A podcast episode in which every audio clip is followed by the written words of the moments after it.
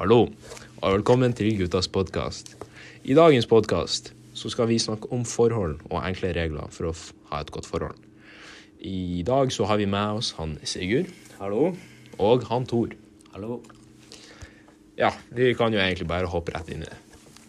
Ja, første regelen, som egentlig er den viktigste, som, eller du kan jo argumentere, men personlig så syns vi at den er den viktigste. Det må jo være uh, lojalitet. Fordi hvis du ikke har et romantisk fokus på én person og på flere, så er det ikke et forhold, da er du bare en fuckboy.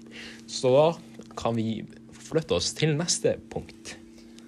Og det skal jeg snakke om. Og det andre viktigste punktet, eller regelen for et godt forhold, det vil vi si er ærlighet. Og, og grunnen til det er for at hvis du skal være et bra forhold, så må dere jo være rettferdig og ærlig mot hverandre. Hvis ikke, så går det ikke. Det går ikke an å gå og holde på hemmeligheter for hverandre og sånt skitt. Og det tredje punktet som vi har, det er god kommunikasjon. Eh, god kommunikasjon er jo ganske viktig i et forhold. For eh, ja, god kommunikasjon er viktig for at ting skal fungere i et forhold. Eh, forholdet kan jo slite hvis dere ikke har god kommunikasjon. Og løgnene løgner sine fører jo til et dårlig forhold.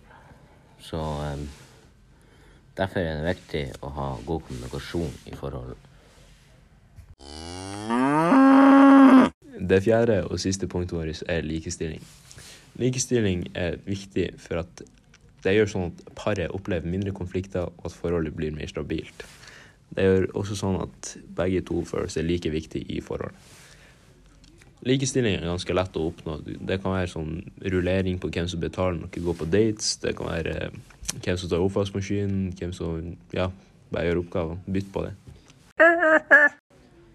Tusen takk for at dere hørte på Guttas podkast. Så snakkes vi neste gang.